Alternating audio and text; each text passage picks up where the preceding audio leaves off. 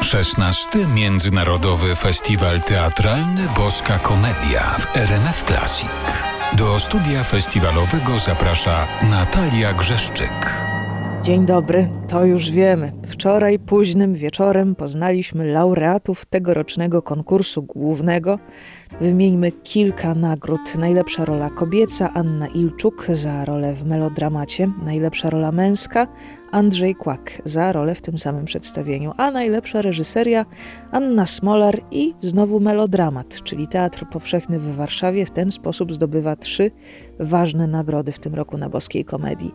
Nagroda specjalna jury za sprawienie, iż przełomowy moment w historii Polski stał się prawdziwie bliski dzisiejszej publiczności, za oddanie głosu społeczeństwu poprzez wspólny wysiłek młodego zespołu wykonawców wyrażony rytmem, słowem i melodią, została przyznana przedstawieniu 1989.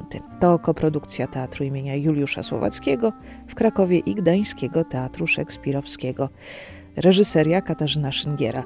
I wreszcie za uczynienie z opowieści o znoju i makabrze odchodzenia wspólnotowego doświadczenia budującego wiarę w życie Grand Prix boskiej komedii jury przyznało spektaklowi Jak nie zabiłem swojego ojca i jak bardzo tego żałuję w reżyserii Mateusza Pakuły. To koprodukcja krakowskiego Teatru Łaźnia Nowa i Teatru imienia Stefana Żeromskiego w Kielcach.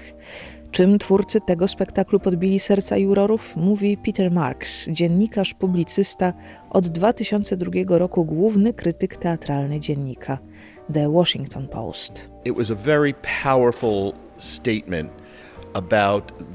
to była bardzo mocna wypowiedź o doświadczeniach jednej rodziny, jednego człowieka związanych z ojcem. I zostało to zrobione pięknie, zarówno ze współczuciem i humorem, jak i wielką wyobraźnią. and humor and also great imagination. Bardzo ważne jest dla mnie takie wewnętrzne poruszenie w teatrze, coś, co uderzy w sam środek. Jeśli nie trafi, to nie trafi w serce. Musisz najpierw poczuć to w trzewiach, żeby trafiło do Twojego serca. Wtedy dopiero możemy nadać temu jakiś sens, wtedy możemy to zrozumieć. Trafia to też do naszej głowy. Dla mnie w tej sztuce działy się takie rzeczy w każdej sekundzie